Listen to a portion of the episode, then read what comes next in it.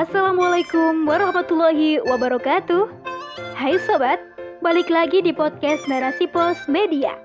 Kali ini bersama saya Dewi Fitriana dalam rubrik motivasi dengan tema Pertarungan Hak dan Batil oleh Ana Nazaha. Dewasa ini, gesekan antara pemikiran liberal dan Islam semakin terlihat nyata. Aktivitas dakwah muhasabah yang semakin gencar dilakukan pengemban dakwah Islam telah menghadirkan secerca harapan bagi umat Islam untuk kembali kepada hukum Tuhan. Semakin gencar aktivitas dakwah ini dilakukan, semakin gencar pula hambatan datang. Gesekan antara kebenaran dan kebatilan pun tak bisa dihindarkan. Karenanya, setiap muslim wajib cerdas, melihat setiap persoalan yang berhubungan dengan keyakinannya dan hal-hal yang bertentangan dengan akalnya dari sudut pandang yang khas melihat segala sesuatu dengan pemikiran yang dibarengi keyakinan dan kesadaran akan statusnya sebagai hamba. Tidak ada pilihan lain bagi muslim selain tunduk pada ketentuan syariat Allah. Kita wajib tampil di depan dalam membela yang hak. Di tengah kehidupan kita saat ini, banyak kita jumpai pelecehan terhadap syariat Allah.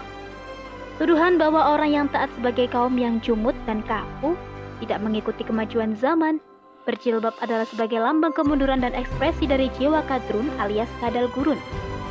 Ada yang menyamakan para wanita soleha sebagai hewan melata yang hidup di gurun. Stigma buruk ini kerap kita temukan di masyarakat. Sebagai seorang muslim, kita memiliki kewajiban membela syariat Allah saat dihina, menjelaskan Islam dengan cara yang ma'ruf, jujur, dan tegas, tanpa harus berpura-pura atau menutupi kebenaran Islam demi mencari muka. Terlebih, jika yang menentang Islam itu adalah dari kalangan Muslim sendiri, maka sebagai sesama saudara, sudah sepantasnya kita hadir terdepan untuk saling menasihati. Agama adalah nasihat. Kami bertanya, untuk siapa wahai Rasulullah?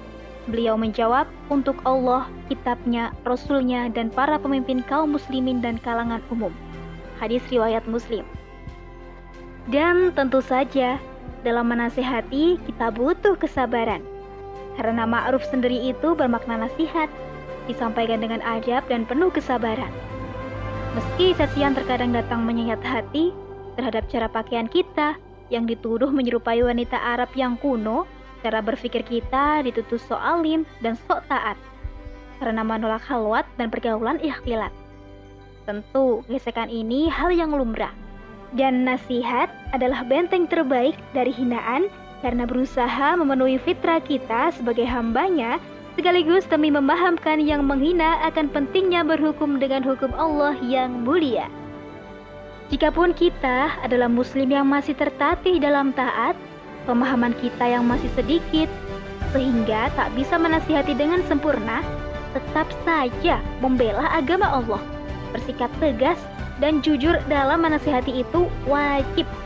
Kita tak boleh diam saja melihat penghinaan terhadap Islam, apalagi bersikap kompromi dengan yang membela pemahaman-pemahaman kufur yang terlanjur menjadi kebiasaan umat. Seorang muslim tak boleh merasa dilema memilih syariat mana yang akan dibela di hadapan manusia kebanyakan. Sebaliknya, muslim wajib tampil terdepan untuk menunjukkan keberpihakannya dalam membela agama Allah tidak berkompromi dengan ide-ide liberal dalam kehidupan. Walaupun ide itu dibenarkan oleh teman terdekat atau bos tempat kita bekerja sekalipun. Jika bertentangan dengan agama Allah, tak wajib bagi kita bersikap lunak dan membiarkan kesesatan dan kebenaran sebagai aturan yang kita anut. Yang harus kita sadari, Islam dan kehidupan sekuler saat ini saling bertentangan. Sudah fitranya, yang bertentangan itu saling bergesekan. Karenanya, jalan kita menuju taat dan meraih ridhonya bukanlah jalan yang biasa. Ini jalan istimewa, yang di depannya ada rintangan dan hambatan yang niscaya ada. Namun, niscaya pula kita mampu melewatinya. Karena ada Allah sebagai sebaik-baik penolong kita. Karena itu, saat kita mendapatkan gesekan tersebut, berlapang dadalah Gangguan-gangguan itu anggap saja sebagai batu loncatan agar kita bisa menjadi pribadi yang istimewa. Jangan sekali-kali kita mengikuti apa keinginan orang munafik yang suka memperdaya, melainkan teguh berpendirian karena yakin kebenaran adalah satu-satunya yang wajib kita bela. Bagaimana firman Allah Subhanahu wa taala dalam Quran surat Al-Ahzab ayat 48 yang artinya, "Dan janganlah engkau Muhammad menuruti orang-orang kafir dan orang-orang munafik itu. Janganlah engkau hiraukan gangguan mereka dan bertakwalah kepada Allah, dan cukuplah Allah sebagai pelindung." Kita memang tidak mencari gangguan dan hambatan, tapi, jika itu konsekuensi yang harus kita temui agar Allah ridho, maka bersabarlah dan bersikap tenang. Yakinlah Allah bersama kita.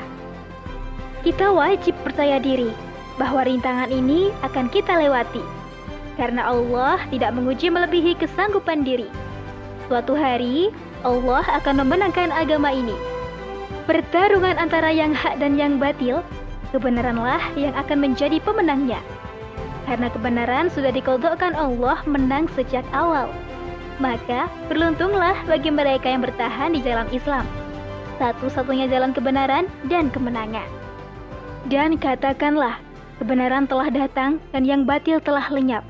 Sungguh, yang batil itu pasti lenyap. Quran Surat Al-Isra ayat 81 Wallahu alam bisawab